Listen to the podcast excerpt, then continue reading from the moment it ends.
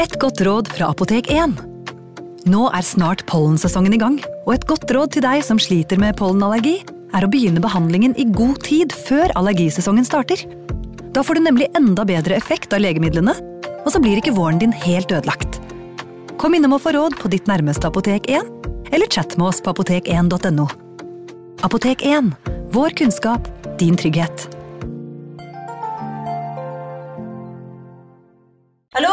Jeg kommer fra Oslo politikammer. Ine Jansen er purk. Er du purk? The motherfucking bitch. Alt jeg vil, er å finne ut hva som skjedde med mannen min. Jon Carew. Er jeg sikta for noe? Iben Akeli. Det er du.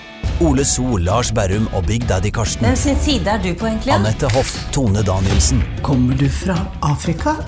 Jørnis Josef, Nesten. Kløfta. Trond Espen Seim, Det er synd å si det, men det var feil mann som døde. Purk. Premiere tirsdag på TV2 Play. Advarsel. I denne podkasten vil du høre historier basert på informasjon programlederne har funnet selv. Programlederne står ikke nødvendigvis inne for meninger og syn som fremstilles. Noen påstander kan avvike fra virkeligheten.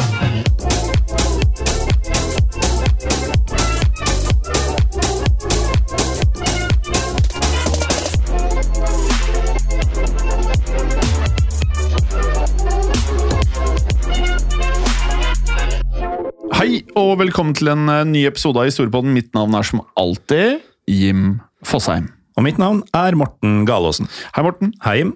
Eh, I dagens episode så skal vi snakke om en eh, person som ofte blir omtalt, men som de fleste kanskje ikke vet veldig mye om allikevel. Ja, jeg skal innrømme at jeg inntil ganske nylig har vært i den kategorien. Alltid hørt navnet og forbundet i hvert fall én ting med det, men egentlig ikke visst hvorfor. Nei, for vi skal da, og nå kommer lytterne til å forstå hva vi mener med dette her, for vi skal prate om selveste Casanova. Casanova. Casanova, altså mannen som nærmest har blitt eh, ja, et synonym med begrepet playboy. Playboy. Playboy. Eller levemann, som man kunne sagt på norsk. Oi, levemann, det er playboy? Ja, tydeligvis. Veldig sånn eh, folkelig norsk eh, versjon av Playboy. Ja.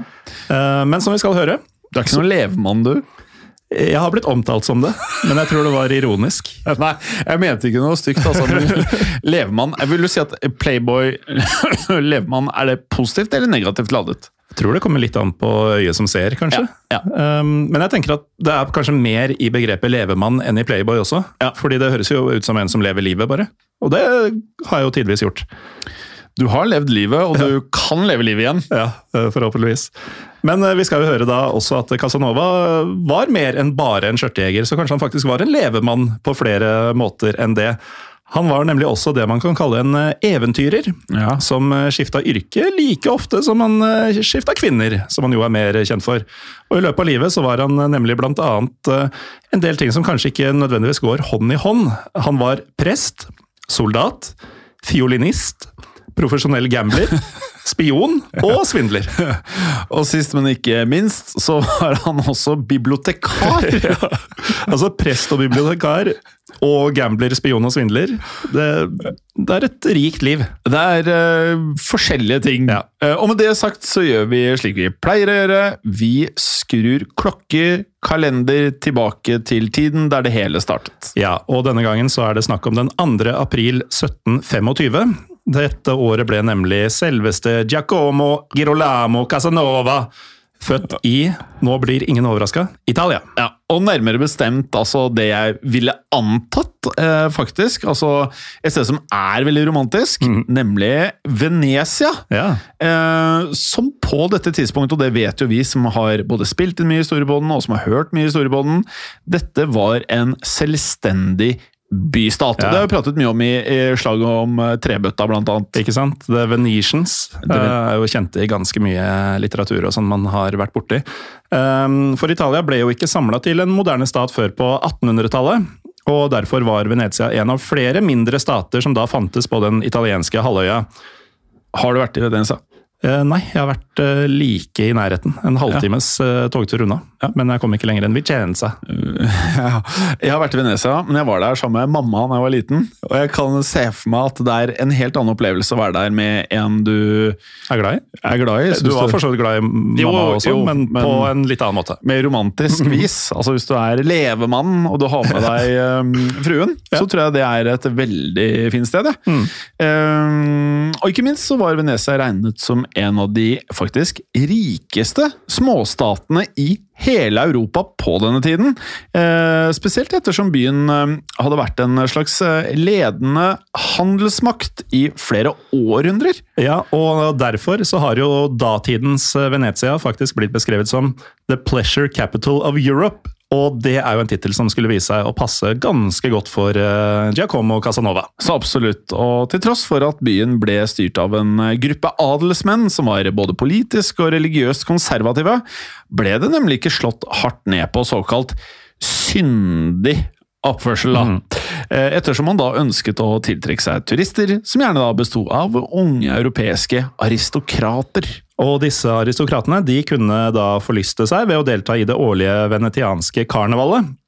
Som var en festival som fortsatt avholdes eh, i disse dager, eller den dag i dag. Ja. Og som noen av lytterne kanskje vet, så er dette en festival som er kjent for at deltakerne skjuler seg bak eh, karakteristiske kostymemasker, som eh, faktisk har blitt kjent eh, rundt om i verden som nettopp venetianske masker. Ja da, men eh, dersom man ikke var interessert i karnevalet, så kunne man også finne andre ting å gjøre. Man kunne for eksempel ta en tur innom et av byens mange gamblinghus, mm. som ofte eh, ble frekventert av eh, lokale kurtisaner. Eh, og kurtisaner er jo kanskje det peneste ordet jeg har hørt, i hvert fall, for Uh, luksusprostituerte. Ja, det er uh, helt eh, korrekt. Altså Og- kurtisan. ja. Eh, ja, ja, ja. Ja, det, det høres bedre ut enn det det. enn det andre ordet. Uh, Men kanskje kan jo dette miljøet bidra til å forklare deler av uh, den oppførselen vi skulle se senere i Casanovas liv. Ja, Det samme kan man nok si om eh, forholdet til eh, foreldrene hans, for han var nemlig sønn av skuespillerinnen Zanetta Farussi og Gantano Casanova, som også var danser, i tillegg til at han også var skuespiller. Ja, og vår mann, altså Giacomo Casanova, han var da den eldste av seks søsken. Som, eh, altså Disse søsknene var da brødrene Francesco, Giuseppe, Giovanni Battista og Gaetano Alvise. Og søstrene Faustina Maddalena og Maria Maddalena Antonia Stella. Er ikke helt greit å holde orden på dette her? Det er mange navn. Jeg måtte begge etter Maddalena, på en måte. Ja, ikke sant? Nå skal det bli ett navn mindre. Ja. Fordi i eh, 1733, da Giacomo bare var åtte år gammel, så døde faren Gaetano. Noe som nok gjorde at eh, barneflokken hadde et ekstra stort behov for å være nær moren sin, altså Zanetta. Men ettersom Sanetta var skuespiller, så måtte hun ofte reise ut på turné med forskjellige teaterforestillinger. Og ansvaret for å ta seg av Giancomo og søsknene hans falt derfor på en av barnas bestemødre, en kvinne ved navn Maritza Baldisera. Ja, og Det var derfor eh, Maritza som påtok seg jobben med å hjelpe Giacomo med et problem han slet mye med i oppveksten, nemlig hyppige neseblødninger. Mm. Og Maritza hun sørget derfor for å ta med seg til en Kanskje ikke det man hadde gjort i dag, til en lokal! I et forsøk på å kurere ne nesen hans, da. Men dessverre så viste det seg at eh, denne heksen eh, Hun var ikke spesielt effektiv. Men eh, likevel så skulle Giacomo komme til å huske besøket hos denne heksa godt. Da han eh, skrev en selvbiografi senere i livet, så beskrev han nemlig besøket hos denne heksa på følgende vis. Ja, siamo entrati in Ucapanone, dove abbiamo trovato una vecchia seduta su uno sagbello, con una tagata nero i braccio e altrique o introna a lei. Ja. Og på norsk blir det noe sånt som Vi gikk inn i et skur hvor vi fant en gammel kvinne som satt på en pall med en svart katt i armene og fem-seks andre rundt seg. Men da det viste seg at kvinnen ikke hadde lyktes å kurere ham, så ble da den ni år gamle Casanova sendt for å bo på en kostskole i byen Padova. Noe som da visstnok ble anbefalt av en lege, altså ikke en heks, men en lege, som da mente at nesen hans ikke hadde gått av den tunge luften i Venezia. Ja, og du skulle jo tro at dette hjalp eh, Giacomo, men eh, det var heller noe som han kom til å huske med bitterhet. Fordi eh, han følte at moren rett og slett hadde kvitta seg med han. Og ettersom boforholda ved denne kostskolen var eh, svært dårlige, så trygla Casanova snart om å få bo med en av lærerne sine. Læreren det da var snakk om, var en prest ved navn Gozzi. Og Gozzi han valgte så å ta inn Casanova i sitt eget hjem, der han fikk bo eh, gjennom tenårene. Og her fikk Casanova ytterligere akademisk eh, undervisning, samtidig som Gozzi lærte han å spille fiolin. Ja, men det var også i Gozzis hjem at eh, Casanova for første gang fikk eh, intim kontakt med det motsatte kjønn. Ja, for Gotzis yngre søster Bettina skal nemlig ha etter hva vi kan forstå, ha befølt Casanova da han kun var 11 år gammel. Og selv om kildene våre ikke sier stort om eh, hvor gammel Bettina var på samme tidspunkt, så kan man kanskje anta at eh, det ville ikke vært helt innafor i dag. Nei, altså Gozzi er jo en voksen prest, og det er da søsteren eh, hans. Så vi må jo anta at hun er relativt voksen, Bettina også. Men eh, Casanova huska faktisk det hele som starten på det som skulle bli en livslang besettelse for kvinner. Og han sa nemlig senere det følgende om eh, Bettina. Jenta gledet meg med en gang, selv om jeg ikke ante hvorfor. Det var hun som litt etter litt tente i mitt hjerte de første gnistene av en følelse som senere ble min herskende lidenskap. Og etter at denne gnisten da hadde blitt tent, så satte Casanova seg fore eh, med å da fullføre utdanningen også. Ja, og i en alder av tolv så ble han nemlig innrullert ved universitetet i eh, Padova. Og i eh, 1742, da han bare var eh, 17 år gammel, så ble han uteksaminert med en grad innen juss. Ja, det er jo relativt utrolig. Jeg vet i hvert fall Leonardo DiCaprio i Catch Me If You Can. Han består jo faktisk den der bare eksamen. Mm. han er jo Hvor gammel er han? Par og 20-25 ish? Noe sånt? Noe sånt. Ja, Um, For juss er jo et fagfelt som eh, han senere fortalte at han da følte en eh, fullstendig avsky for. Det er ganske sterkt. Det er det, men jeg kan også skjønne at hvis du bruker fem av dine beste barne- og ungdomsår Ja. på det som må ha vært utrolig tørt for Ja. en 12-13-14-15-åring, Ja. eh, at du kanskje bærer litt nag til eh, hele feltet etterpå. Ja. Uh, og i løpet av, Det tror jeg helt rett i. Og i løpet av studiene der han bl.a. hadde vært innom uh, moralfilosofi, kjemi og matematikk, så hadde han nemlig interessert seg langt mer for medisin. Ja, og det var en karriere han eh, senere ville ha valgt dersom han fikk eh, bestemme selv. For eh, Casanova sa nemlig følgende Jeg burde fått lov til å gjøre ting gjøre som jeg ville, og bli lege. Der er kvakksalveri enda mer effektivt enn det er innen juss. Ja, Men dette ble det altså ikke noe av, ettersom presten Gotzi hadde ønsket at Casanova skulle begi seg ut på en karriere innen kirkejuss. Ja, til tross da for at uh, vår mann viste null tegn på det man kan kalle en uh, kristen livsførsel. Ja, For i løpet av studietiden så hadde nemlig Casanova begynt å gamble regelmessig. Noe som da gjorde at han eh, pådro seg eh, gjeld, som han gjerne gjør, så vær forsiktig med gamblingen. Eh, Så mye gjeld at eh, bestemoren Maritza kalte han tilbake til Venezia. Men det satte ingen stopper for gamblinga hans, som på dette tidspunktet rett og slett hadde utvikla seg til å bli en vane, en habit om du vil. Til eh, familiens lettelse så begynte Casanova likevel på karrieren innen kirkejus idet han ble gjort til prest av eh, selveste biskopen av Venezia. Men Casanova han fremsto på ingen måte som en typisk prest. For den både høye og mørke Casanova han skal nemlig både ha pudret og så parfymert det lange, deilige håret sitt, som han da også sørget for å krølle jeg tenker liksom, liksom permanentaktig, jeg, Morten, nå, eh, på hva som blir beskrevet på et komplisert vis. Han, han, ja, han høres jo Jeg får lyst til å lukte litt på han, han høres jo veldig ålreit ut. Ja, men altså, Nå skal jeg innrømme at det er ganske lenge siden jeg hadde hår, og husker ikke helt hvordan man eh, behandler det. Men Er det å pudre håret? Er det noe folk gjør? Eh, Jeg har ikke hørt om det tidligere, Nei. men eh, jeg kan anta at i gamle dager så var det kanskje liksom Du dusja ikke like mye, så kanskje det var en sånn hygienevariant eller et eller annet sånt? Ja, mulig. Uansett, etter å ha pudra, parfymert og krølla håret sitt, så begynte han å innynde seg hos eh, forskjellige aristokrater i et forsøk på å finne en velgjører som kunne finansiere livsstilen hans. Det var tydeligvis ikke nok penger i presteskapet. Og dette var jo noe den eh, meget sjarmerende Casanova raskt eh, lyktes med, idet han eh, vant gunsten til den 76 år gamle Alvise Gasparo Malipiero. Det var eh, en venetiansk senator som eide et palass eh, kort vei fra Casanovas nabolag. Palmiero, som da vanket blant eh, Venezas mest fornemme mennesker og kretser, påtok seg dermed en slags mentorrolle idet han da lærte Casanova alt om både mat, vin og hvordan å best opptre blant eh, den flotte overklassen. Men likevel så gjorde Casanova seg snart upopulær hos eh, sin nye læremester, for eh, Casanova ble nemlig ferska i å more seg med skuespilleren eh, Teresa Imer, en kvinne som Malipiero selv hadde planlagt å forføre.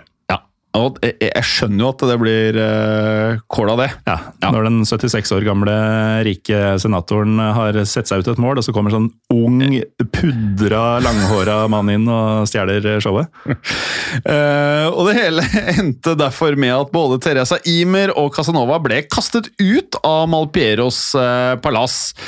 Men tiden som han da tilbrakte med Teresa, hadde gjort Casanova mer nysgjerrig på um, det motsatte skjønn. Ja, eh, rundt samme tid skal han derfor ha fått sin første eh, fullstendige seksuelle opplevelse. Aha. Sammen med to søstre Ja. ved navn Nanetta og Marton Savornian. De var eh, henholdsvis 15 og 16 år gamle. ja, det var eh, også eh, fem, Ja. Det er eh, ja. Også to stykker. Det er levesmann. Ja, og to søstre. Ja. Altså det er, ja, Man begynner jo å merke hvordan eh, ordet Casanova har blitt. Det, der, det er her det starter. Og Ifølge Casanova selv så ga dette han følelsen av at han da hadde funnet eh, et slags eh, kall i livet. Noe som da gjorde at han begynte å gi slipp på tanken om å fortsette som prest, i hvert fall. Ja, og pressekarrieren ble uansett eh, da også gjort vanskeligere da Casanova ble tvunget til å sone et kort eh, fengselsopphold pga. all eh, den nevnte gjelda som han hadde pådratt seg gjennom gambling. Men til tross for dette da, så klarte han deretter å finne seg en jobb i Roma, som på denne tiden ble styrt av paven. Og han, eh, han ble da altså sekretær, hvis vi har tolket det riktig, for den mektige katolske kardinalen Trojano Acquiaviva. Ja, og Gjennom denne jobben så fikk Casanova møte den daværende paven, eh, Benedikt den 14. Og han eh, skal da ha bedt paven om å bli unntatt fra å bli servert fiskemåltider, noe Casanova hevda gjorde at eh, øynene hans ble betente. Altså, du ber paven om at du skal være den som slipper å spise fisk, fordi du får betente øyne. I tillegg så ba han også om tillatelse til å få lese såkalte forbudte bøker, som da kirken eh, hadde gjort forbudt. Eh, dette var da bøker som kirken regna som kjetterske, eller i strid med kirkens moral. Ja, Om disse ønskene ble innvilget, eh, sier dessverre kildene våre lite spesifikt om, men de konstaterer likevel at uh, dette ble ansett for å være fullstendig skamløse forespørsler eh, fra Casanovas side, selvfølgelig. Eh, og det var derfor lite overraskende at tiden i Roma Det, det varte ikke lenge, Morten. Nei, den gjorde ikke det. Han skal nemlig deretter ha fått i oppgave å skrive en rekke kjærlighetsbrev på vegne av en kardinal. Noe som gjorde at eh, Casanova endte opp med å bli syndebukk i en kjærlighetsskandale som involverte to elskere. Ja, og med det så ble han også sagt opp av kardinal Aquaviva, noe som da satte en eh, en slags endelig stopper for eh, kirkekarrieren, føles det ut som. Og dermed var Casanova nødt til å se seg om etter eh, nye muligheter. Han forklarte senere eh, sine neste trekk på følgende vis. Siden det nå var liten sannsynlighet for at jeg skulle oppnå en formue i min kirkelige karriere, bestemte jeg meg for å kle meg ut som en soldat. Jeg spurte etter en god skredder. Han ga meg alt jeg trengte for å etterligne en tilhenger av Mars. Uniformen min var hvit, med en blå vest og en skulderknute av sølv og gull. Jeg kjøpte et langt sverd, og med min kjekke stokk i hånda, en trim hatt med svart sløyfe, og med håret gredd til siden med en lang, falsk flette i nakken, satte jeg av gårde for å imponere hele byen. Her kan jeg jo da faktisk eh, skyte inn, Morten, at eh, når Casanova refererer til Mars, er det da altså snakk om den eh, romerske krigsguden som het nettopp Mars. Ja, og det visste jeg faktisk, og det er en av få gangene hvor min kjærlighet til tyngre musikk gir meg en fordel. Ja. Fordi det er en Soulfly-sang som heter Mars, hvor de da sier I am Mars, God of War. Åh, Um, så ja, man Nå lærte jeg noe også, og sikkert lytteren også. kan lære litt av all den støyen. Ja da. Um, men med det sagt, så gjorde Casanovas eh, nye kostyme susen det. Han klarte nemlig å sikre seg en plass som en lavere offiser i et eh, infanteriregiment på den greske øya Korfu. Og der kan jeg anbefale um, folk å rett og slett ta seg en liten sånn øyhoppetur. Veldig fint sted. Um, Korfu var på den tiden styrt av Venezia. Ja, men igjen så skulle dette bli en kortvarig karriere. For det viste seg nemlig at eh, tilværelsen som eh, soldat, og dette kommer kanskje ikke veldig overraskende, den eh, passa ikke Casanova spesielt godt. Han kjeda seg nemlig noe voldsomt, Ja, da, voldsomt. Han, da han måtte utføre forskjellige plikter som en soldat tross alt måtte gjøre. Og I tillegg så følte han at det tok eh, for lang tid å bli forfremma, slik at han kunne motta en høyere offiserlønn. Ja, for det var eh, særlig viktig for eh, Casanova, ettersom han da hadde spilt bort vi nevnte jo det, han har jo gjeld, spilt bort mesteparten av soldatlønnen sin, og spesifikt i kortspill skal det ha gått ganske dårlig i denne perioden. Ja, Så han bestemte seg derfor for å avbryte militærkarrieren for å heller vende hjem igjen til Venezia. Og der planla han i stedet, og dette høres ut som en utrolig dårlig idé med tanke på hva vi har hørt om, eh, om spillhellet hans tidligere. Han planla å livnære seg som profesjonell gambler. Dette hadde han nemlig oppdrevet penger til ved å selge offiserstillinga si. Noe som da faktisk var uh, mulig for aristokrater å gjøre på den tiden, altså da kjøpe seg høyere rang i forskjellige hærer. Ja, Så var faktisk ikke så uhørt som man skulle tro. Eh, Casanova, som på dette tidspunktet bare var 21 år gammel, gikk derfor i gang med gambling på heltid. Og hvordan det gikk, skal vi høre om etter en kort pause. Det blir spennende. Ja. Velkommen tilbake. Før pausen hadde vår eh, kjære Casanova uh, solgt offisertittelen sin, som da ikke var slettes eh, så merkelig som det kanskje høres ut uh, i det hele tatt, for å da bli en profesjonell gambler. Ja, og jeg um, var jo skeptisk da vi sa det før pausen. Ja. Dette skulle da også vise seg å gå meget dårlig, ettersom han raskt uh, spilte bort nærmest alle penga sine. Ja, for eh, han eh, ble etter hvert nødt til å forhøre seg om andre jobbmuligheter, han. Og takket være en av eh, forbindelsene sine i Venezia, så klarte Casanova å skaffe seg arbeid som Vi lærte til at han eh, begynte med fiolin. Han ble fiolinist ved et lokalt teater. En tilværelse han beskrev på følgende vis. Yrket mitt var ikke edelt, men jeg brydde meg ikke. Jeg utviklet snart alle uvanene til mine skamløse medmusikere. Vi tilbrakte ofte nettene våre med å streife gjennom forskjellige bydeler, mens vi pønsket ut de mest skandaløse pekene vi kunne komme på. Vi moret oss med å løsne gondolene, som var fortøyd foran private hjem, som deretter drev av gårde med strømmen. Og eh, når du er unge Det å løsne på gondoler, det er, er det veldig mye verre enn epleslang eller plommeslang? typ? Jeg tenker jo det. Og Ja, så det er og, ja, er han jo ikke et barn, han er jo 21 år. Ja. ja, ja Men drev man ikke Nå er det så lenge siden jeg var 21, men drev man ikke med litt sånn plommeslang? Man gjorde kanskje ikke det. Jo, men å løsne gondoler er eh, Ja, Det er ikke bra. Det er jo ikke en victimless crime, da. Nei. Nei, det er ikke victim, victis, vict, victimless crime. For, for som da mange av lytterne våre sikkert nå vet, så er jo eh, Venezia eh, godt kjent for mange av kanalene sine, og jeg kan bekrefte etter å ha vært der. At Det- de har kanaler. Det er mange kanaler. Og disse kanalene tar man eh, seg tradisjonelt sett eh, fram gjennom ved hjelp av disse små gondolene. Ja, Og som om ikke det var nok, da å sende disse av gårde med strømmen, så skal Casanova og vennene hans også ha moret seg med å sende leger og jordmødre ut på falske ærend. Og det er jo ikke så snilt, da. Nei. Antageligvis da ved å fortelle at noen hadde skadet seg, eller at noen var i ferd med å føde ved et eller annet sted i byen, da. Men etter en tid med fiolinspilling og fanteri, så tok Casanovas liv igjen en ny vending. Helt klart, for eh, etter å ha utført en spillejobb som bryllupsmusiker, altså vi pratet om det med, han begynte med fiolin, så fikk han nemlig skyss med en gondol som skulle frakte flere velstående gjester hjem. Altså en gondol som ikke hadde drevet av gårde med strømmen. En av de få han ikke hadde løsna, ja. Mm. Uh, og ut av det blå så fikk en av disse passasjerene et eh, illebefinnende, faktisk. Ja, og passasjeren det var snakk om, var en velstående senator ved navn Bragadin, som deretter ble tatt hånd om av en lege. Og legens kur den besto av årelating og påsmøring av en kvikksølvsalve på brystet, noe som raskt eh, viste seg å ikke fungere. Ja, og i stedet så utviklet Bragadin en så kraftig feber at eh, han holdt faktisk nesten på å dø. Ja, Men da det så som mørkest ut, så foreslo Casanova at man burde erstatte kvikksølvsalven med kaldt vann. Noe som deretter ble gjort, til tross for protester fra fagmannen sjøl, altså legen. Ja, Og heldigvis for Casanova så gjorde dette her eh, susen. For eh, feberen den gikk ned, og deretter kom Bragadin eh, tilbake til eh, sine fulle fem. Ja. Bragadin ble da overbevist om at Casanova måtte være i besittelse av hemmelig okkult kunnskap. Fordi han bytta til vann. ja, altså kvikksølv til vann. Ta bort det og legge til noe du trenger for å leve, så overlever du. Um, og denne kunnskapen, denne hemmelige okkulte kunnskapen hadde han da brukt til å helbrede han, mente Bragadin.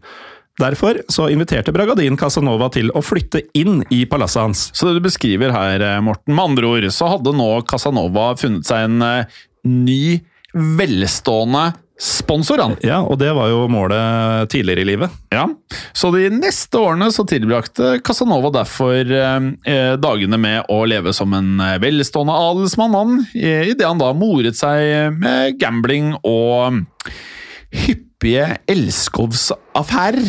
Ja, men eh, etter tre år så ble Casanova igjen tvunget til å flykte fra Venezia pga. en spøk som hadde gått eh, litt for langt. Casanova skal nemlig ha bestemt seg for å grave opp et lik, i et forsøk på å skremme en av sine rivaler. Og Nøyaktig hvordan det hele mm, arta seg, er eh, uklart, men ifølge kildene våre så var resultatet at denne rivalen ble så skremt at han endte opp i en permanent sjokktilstand.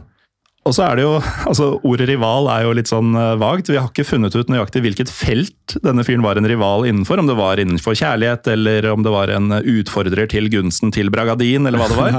Men han blir omtalt både som en rival og en fiende i Ja. de forskjellige kildene. Han blir det. Uansett så var eh, resultatet slik at eh, Casanova han eh, flyktet han til eh, byen Parma, hvor han da begynte en eh, tre måneder lang affære. Selvfølgelig med en fransk kvinne ved navn Henrion. Henri, det skrives Henriette. Ja. eh, det sagt Henriette, eller noe sånt. Henrion. Ja, eh, ikke sånn. Eh, Casanova han opplevde da det som skal ha vært den uh, dypeste forelskelsen i hans liv, ettersom uh, Henriette visstnok var både vakker, intelligent og særdeles kultivert. Ja. Casanova beskrev henne derfor på um, følgende måte. De som tror at en kvinne ikke kan gjøre en mann glad i alle døgnets 24 timer, har aldri kjent en Henrian. Gleden som har oversvømmet sjelen min, var langt større når jeg snakket med henne om dagen, enn når jeg holdt henne i armene mine om natten. Og det høres jo ut som uh, Altså, han er jo en, eh, en skjødets mann. Uh, altså, det virker som han har latt driftene styre seg store deler av tida. Men det han sier der, er jo Det høres jo ut som han faktisk er glad i personen. Ja da, ja da. Men Henriette utviste også en egenskap til å gjennomskue Casanovas eh. I alle fall ifølge den anerkjente Casanova-eksperten Jerives Gidé, som da har skrevet eh, følgende. Tror du det kan ha vært J. Rives Childs? Å ja, ikke sant? Det er eh, England. Ja, uansett, eh, denne Casanova-eksperten har skrevet eh, dette. No woman so captivated Casanova as Henrietta, and few women obtained so deep an understanding of him. She penetrated his outward shell early in their relationship, resisting the temptation to unite her destiny with his. She came to understand his unstable nature, his lack of social background, and the fragility of his finances. Before leaving, she slipped into his pocket five gold coins, the mark of her evaluation of him. Ja. Ja.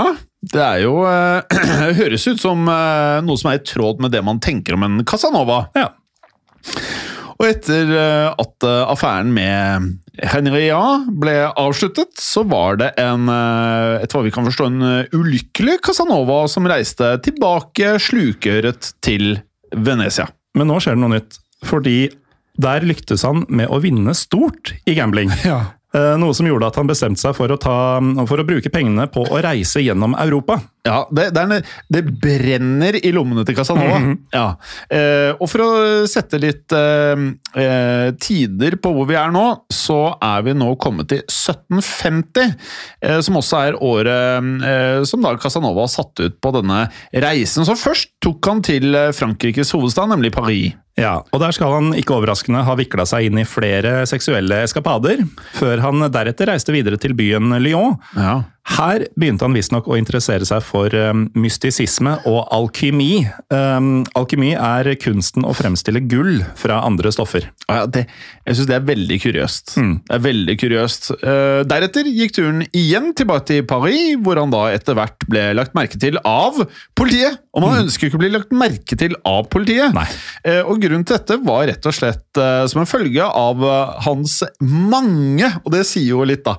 Han, var, han, altså, han hadde så mange affærer med så mange forskjellige kvinner at politiet lot, mer lot merke til han. Ja, De begynte å bry seg, de. Ja. Så i 1752 så reiste han så til Dresden i dagens eh, Tyskland, eh, sammen med broren Francesco. Og Der ble brødrene faktisk gjenforent med moren Sanetta, og søsteren Maria Maddalena, som begge faktisk hadde bosatt seg i Dresden. Ja, og mens de da levde der, så skrev Giancomo Casanova et eh, skuespill med Sanetta i hovedrollen. Dette skuespillet skulle senere gå tapt, dessverre, men eh, ble da spilt ved byens eh, kongelige teater. Ja, og etter en tid i Dresden så gikk turen videre til Wien i Østerrike.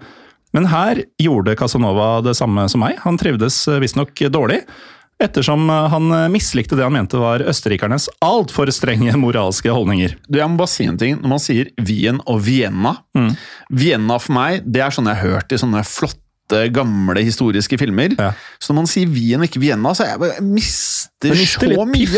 mye. Mm. Piffen er totalt mangelvare i Wien. Eh, Casanova han dro derfor igjen tilbake til Venezia, der eh, oppstyret som ble skapt da av eh, lik, likskjendingen hans, hadde dødd ut.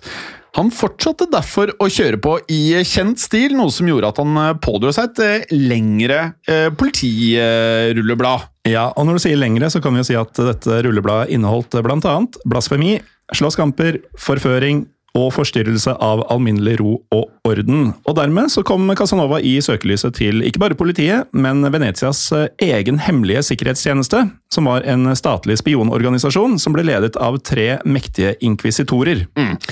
For å bare ta disse her eh, tingene han hadde på rullebladet sitt. da. Mm. Forføring, vi har hørt det tidligere i historiepodden, at det var ikke lov av en eller annen grunn. Nei, og han fikk jo trøbbel for det i Paris også. Eh, Ja, i Paris, og Altså, mannen er jo Han innså jo tidlig at han var sånn skapt for å forføre. Ja. Så er neste forstyrrelse av alminnelig ro og orden. Der tenker jeg Han var jo en prankster. ja, han var jo en prankster. Eh, og så har du blasfemi. En fyr som Casanova. Jeg skjønner at det skjer. Ja, og um, blasfemi var ganske mye lettere å bli, bli beskyldt for uh, for uh, 200-300 år siden og så videre enn det er i dag. Ja, Og så slåsskamper. Der Jeg føler i hvert fall så langt ikke at uh, Min følelse er ikke at han er noen slåsskjempe, men kanskje han havna i basketak, da, for han, han holdt jo på med mye kvinnfolk. Ja, ja. Det, likte det. Du får noe negativ um, oppmerksomhet fra andre menn ofte, hvis du forfører litt for mange damer. Ja. Og Har jeg disse, ja, visstnok. Eh, angivelig. Eh, og disse inkvisitorene skulle nemlig sørge for å holde styr på både ytre og indre fiender som kunne finne på å true Venezia, noe man da tydeligvis anså Casanovas eh, oppførsel for å gjøre. Tenk deg at han var så forførersk og blasfemisk at det trua riket. Så den 26. juli 1756 så ble den eh, 30 år gamle Casanova arrestert for å ha utført såkalte fornærmelser mot offentligheten. Det høres akkurat passe diffust ut, syns jeg. Ja, det er bare sånn, vi, må ta, vi liker den ikke, vi må få den vekk. Ja. Han ble deretter dømt til å sone fem år for disse fornærmelsene mot offentligheten i et fengsel som lå i palasset til den såkalte Dogen av Venezia. Fem år det er meget for dette, føler jeg. Da har du fornærma offentligheten grovt. Ja. Um, Dogen var for øvrig statslederen sin tittel, um, og Dogen av Venezia ble valgt på livstid, faktisk. Ja, så ikke akkurat sånn veldig demokratisk eller moderne demokrati, kanskje? Nei. Nei. Eh, og der så ble soningsforholdene hans eh, beskrevet på følgende vis, altså vi tar det på engelsk He was placed in solitary confinement with clothing, a pallet bed, table and armchair in the worst of all the cells, where he suffered greatly from the darkness, summer heat and millions of fleas. Altså, disse fornærmelsene mot offentligheten, jeg syns han får litt i overkant eh, straff her. Ja, altså dette er, er jo Dette er eh, fem år med hard soning, altså. Heftige forhold, altså. Men heldigvis, etter fem måneder med personlige appeller fra hans eh, gode gamle venn senator Bragadin, så mottok Casanova en forbedret celle, der han fikk tilgang til både bøker, bedre mat og en varm seng. Og med det i boks, da kunne han jo begynne på det som man kanskje ikke blir overraska at han begynte på, nemlig å planlegge et fluktforsøk. Og her, Morten, så fikk eh, Casanova visstnok hjelp fra medfangen i nabocellen, en frafallen prest ved navn fader Balbi. Ja, det er en frafallen prest sitt navn, altså. Og Balbi brukte nemlig mange mange uker på å grave et hull i taket over cellen sin ved hjelp av et eh, skjult redskap. Det er en spesiell eh, variant. Grave oppover. Ja, det er veldig spesielt, eh, Morten. Så Balbi han klatret så opp gjennom hullet, før han da gravde seg ned til Casanovas celle. Så Kanskje du bare kunne gravd gjennom veggen mellom de to cellene? det kunne vært mulig. Balbi valgte å grave hull i taket og videre. Og deretter så klatret eh, da de to sammen opp på taket til Dogens palass, som de da klarte å komme seg ned fra ved hjelp av en eh, stige. Og i kjent eh, altså fengselsfluktforsøk i filmverden, med noen laken som de da hadde surret sammen og knytt sammen til noe som kunne bli en erstatning til et tau. Ja. I det hele tatt, i sum, veldig sånn tegnefilmvennlig rømning, eh, dette her. Ja. Og um, etter å ha tatt seg videre ved hjelp av en gondol, så flykta Casanova igjen til Paris, hvor han umiddelbart begynte å se seg om etter en ny, rik eh, sponsor. Og dette var en prosess han senere sa følgende om. Jeg innså at for å utrette noe som helst, måtte jeg bringe alle mine fysiske og moralske evner i spill, gjøre meg kjent med de store og de mektige, og utøve streng selvkontroll, samtidig som jeg bekledde rollen som en kameleon. Åh, han er jo veldig selvbevisst, da. Ja, ja. Han vet Eh, nøyaktig hva han driver med. Ja da. Eh, Og takket være et eh, vennskap med den franske utenriksministeren, Francois Joachim Jean-Pierre de Perny, oh. også kjent som greven av Lyon, så klarte Casanova deretter å få ansvaret for å selge billetter til Frankrikes aller første statslotteri. Ja, og det var en rolle som gjorde at han på kort tid betjent, eh, tjente en betydelig formue. Ble du satt ut at jeg klarte alle navnene? Ja, altså det, det franske utenriksministernavnet det, det var så langt at jeg skjønte ingenting. Det hadde bare rant ut av munnen din. Ja. Um, så nå, nå har jeg kommet meg, og denne formuen som Casanova tjente på, på denne rollen, den brukte han på å menge seg med den franske adelen. Selvfølgelig. Som på denne tida var meget interessert i okkultisme. Eh, Og det hadde jo Casanova flørta litt med tidligere, og han visste da å utnytte denne interessen. Samtidig som han naturligvis, i beste mm, Rasputin-stil, forførte flere adelskvinner. Så tjente han nemlig penger på å markedsføre seg selv som alkymist. Ja, Samtidig som han da angivelig overbeviste flere aristokrater da, om at han eh, kunne spå fremtiden ved hjelp av tall. Noe Casanova selv eh, hadde følgende å si om Ignare un pazzo e un passatempo degno per uno uome intelligente. Og her er noe hint for oss som ikke kan italiensk også. Intelligente. Ja. Ok, det betyr på norsk å lure et fjols er et verdig tidsfordriv for en intelligent mann. Ja, og med dette så kunne Casanova føye tittelen svindler til eh, CV-en sin, noe som definitivt kom til uttrykk da han deretter forførte en middelaldrende kvinne ved navn Madame Durf. En affære som begynte i 1757, da Casanova var 32 år.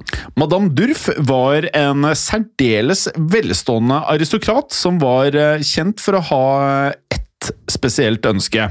Hun ønsket nemlig å bli gjenfødt som en mann. Ja, og Det var et ønske Casanova skal ha lovet å oppfylle ved hjelp av okkulte hemmeligheter. Så i løpet av flere år så utførte Casanova derfor flere mystiske seremonier som han hevdet skulle resultere i det han kalte en gjenfødelse, der Urf skulle bli gravid med en gutt. Og Ifølge Casanova så skulle da sjelen hennes så overføres til barnets kropp etter fødselen, slik at hun da kunne leve videre som en mann. Men da graviditeten lot vente på seg, innså madame Durf omsider at eh, hun hadde blitt lurt. Så Derfor så Casanova seg nødt til å flykte til England, hvor han visstnok pådro seg flere kraftige kjønnssykdommer. Og det er vel på høy tid, ut fra det vi har uh, hørt om livet hans uh, så langt. Men han har jo sikkert hatt mye av det her før, men på den tiden så var det ikke like liksom, Man visste ikke helt hva det var, og var ikke like opptatt av det, kanskje? Nei, det kan godt være. Men uh, han kom etter hvert til hektene fra disse, og deretter tilbrakte Casanova de neste årene med å reise rundt mellom forskjellige europeiske hoff, noe som ble gjort enklere av det faktum at Casanova snakka hele seks forskjellige språk. Ja, Men noe som da gjorde det langt vanskeligere, var rett og slett datidens transportmidler, som gjerne besto av hest og kjerre. Og til tross for dette her, da, så endte Casanova i løpet av en eh, treårs reise opp med å dekke 7200 km. Mm. Eh, og etter hva jeg kan forstå, så tilsvarer det da to ganger lengden av elven Volga, som da er Europas aller, aller lengste elv. Ja, Det er solid, og han reiste da faktisk så langt som til Moskva, hvor han som vanlig gjorde et godt førsteinntrykk. Ja, Casanova var nemlig både en dyktig rytter, han var god til å fekte, og han var god til å danse, noe som da var egenskaper som kom til gode for å innynde seg da blant datidens aristokrater. Men likevel så hadde Casanova en eh, lei tendens til å etter hvert da havne i eh, forskjellige situasjoner med tumulter, særlig fordi han da forførte alle disse adelskvinnene. Ja, og dette brakte han jo flere ganger på kant med rivaliserende beilere, noe som gjorde at Casanova utkjempa minst tre dueller som vi vet om. Den første av disse skal ha funnet sted i 1766, på dette tidspunktet så befant den nå 41 år gamle Casanova seg i den polske hovedstaden Warszawa, der han hissa på seg en lokal greve ved navn Franciszek Kesaveri Branicki. Branicki ble nemlig sjalu da Casanova forførte en av byens adelskvinner. Det hele endte derfor med en pistolduell, der Casanova traff greven med et skudd i brystet, men ble selv også truffet med en kule i hånden. Eh, og begge overlevde, utrolig nok, men Casanova han så seg nå nødt til å atter en gang flykte. Ja, og det bar derfor tilbake til Italia, der Casanova forsøkte å få tillatelse til å vende hjem igjen til Venezia. Noe som myndighetene i byen lenge var skeptiske til, ettersom han tross alt hadde rømt fra fengsel sist han var hjemme. Ja, og For å da komme på godsiden av eh, venetianerne, så utførte han derfor en rekke spionoppdrag for den venetianske etterretningstjenesten. Vi nevnte jo det tidligere at han var spion. Her mm, kommer det. Her kommer det. Og Dette skal særlig ha gått ut på å spionere på handelshemmeligheter i andre italienske byer, noe som kunne gi venetianske kjøpmenn en fordel på verdensmarkedene. Og I 1774 så mottok Casanova omsider et eh, brev fra byens da tre inkvisitorer, som ga han uh, offisielt tillatelse til å vende hjem igjen. Og etter å ha tilbrakt da hele 18 år i eksil, så brøt Casanova deretter ut i gråt, eh, rett og slett, eh, da han innså at hjemkomsten var i ferd med å bli et faktum, så han savna Venezia. Det hadde han, men det var likevel en endra Casanova som kom tilbake til fødebyen. For han hadde nemlig rukket å bli 49 år gammel, noe som gjorde at alderen hadde begynt å sette sine spor på den en gang så velpudrede, hårmankete mannen. Blant annet så hadde han pådratt seg sykdommen kopper, som hadde gitt han synlige arr på kinnene. Og I tillegg så skal han også ha vært prega av å ha pådratt seg kjønnssykdommen syfilis ved fire forskjellige anledninger. Ja. Og I løpet av tiden Casanova hadde vært borte, så var det slik at flere av hans gamle bekjentskaper hadde gått vekk. Eh, og For å da kunne finansiere denne eh, dyre livsstilen sin, så han seg derfor nødt til å fortsette å reise rundt som lønnet spion på vegne av disse inkvisitorene. Ja, Men i løpet av disse senere årene så var Casanova vel å merke en noe mer moderat mann enn det han hadde vært eh, i sine yngre dager. I 1779 så stoppa likevel ikke dette han fra å innlede en affære med en uh, sydame, en syerske, ved navn Francesca. Ja, og Francesca flyttet da inn hos Casanova, der hun da inntok rollen som en slags uh, kombinasjon av elskerinne og hushjelp, slik har vi forstått det. Ja, og på dette tidspunktet så via Casanova store deler av tida til å skrive forskjellige bøker og skuespill, noe som faktisk skulle få han i trøbbel.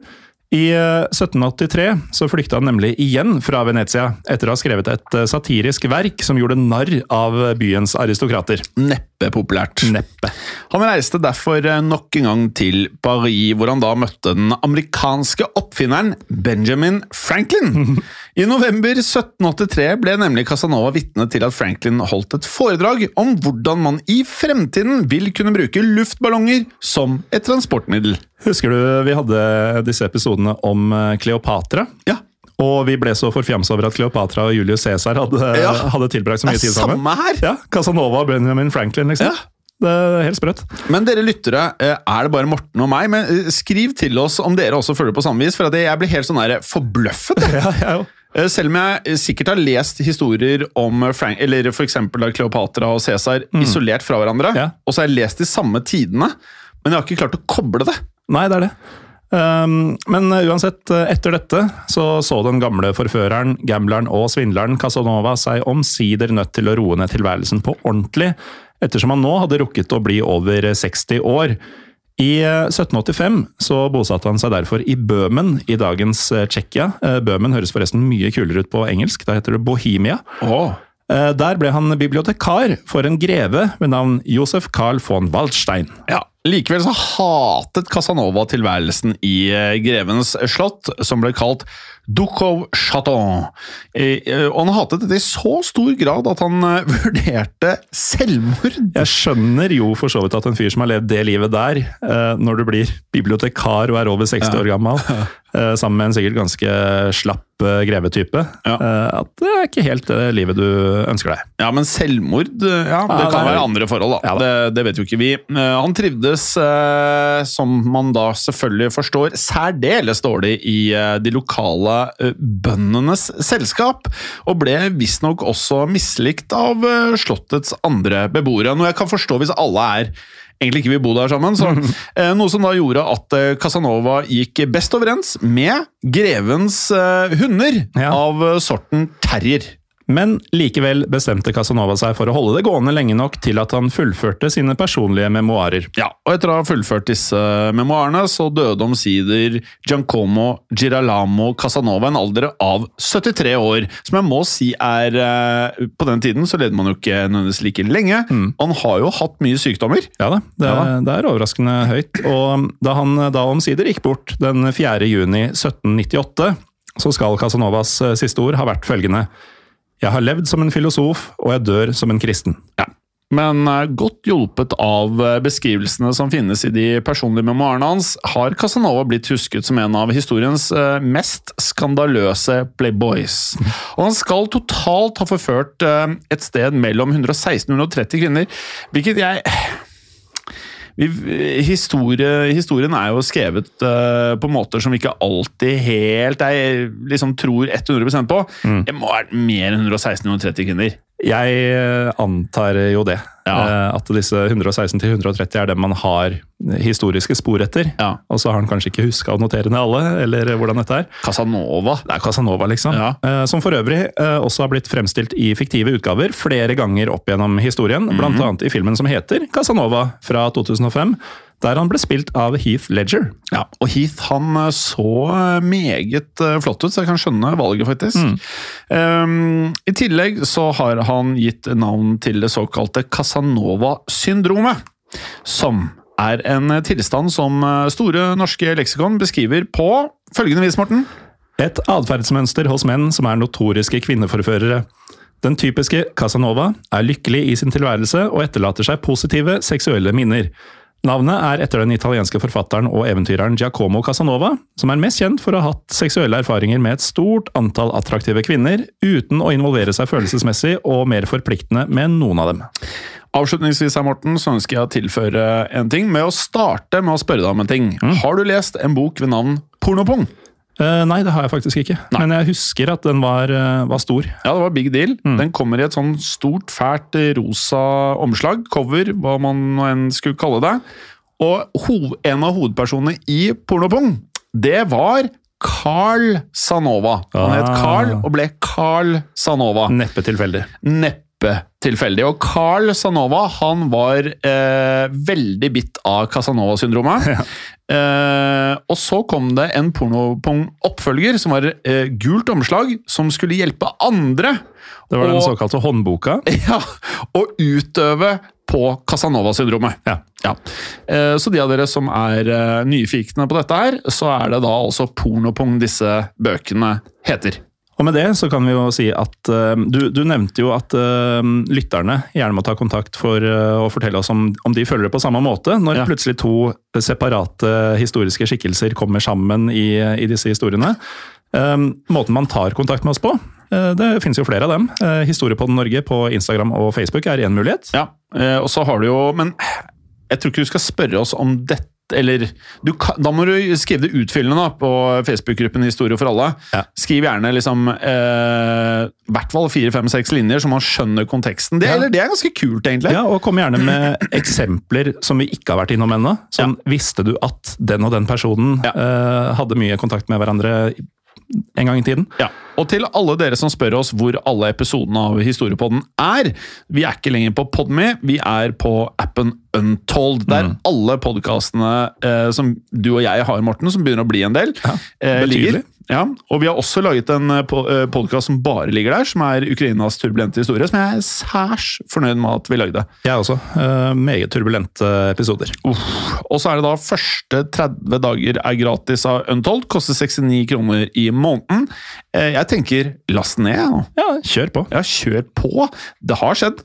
Og det kan skje igjen. Ha det bra. Ha det. Historiepodden ønsker å takke følgende. Dere som hjelper oss som sitter i produksjonen.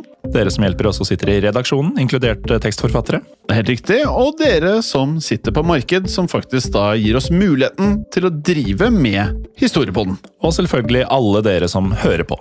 Tusen takk. Moderne media. Har du et enkeltpersonforetak eller en liten bedrift? Da er du sikkert lei av å høre meg snakke om hvor enkelt det er med kvitteringer og bilag i fiken, så vi eh, gir oss her, vi. Fordi vi liker enkelt. Fiken superenkelt regnskap. Hei, og takk for at du lytter til Historiepodden. Skulle du ønske at du kunne høre en ny episode av Historiepodden hver eneste uke? Vel, da er det én ting å gjøre. Da kan du laste ned podkastappen Untold med det samme. For i tillegg til ukentlige episoder av podkaster som Historiepodden andre verdenskrig, Henrettelsespodden og også Gangsterpodden, så får du masse annet reklamefritt og også eksklusivt innhold. Last ned Untold i AppStore eller Google Play og start din 30 dagers gratis prøveperiode allerede i dag.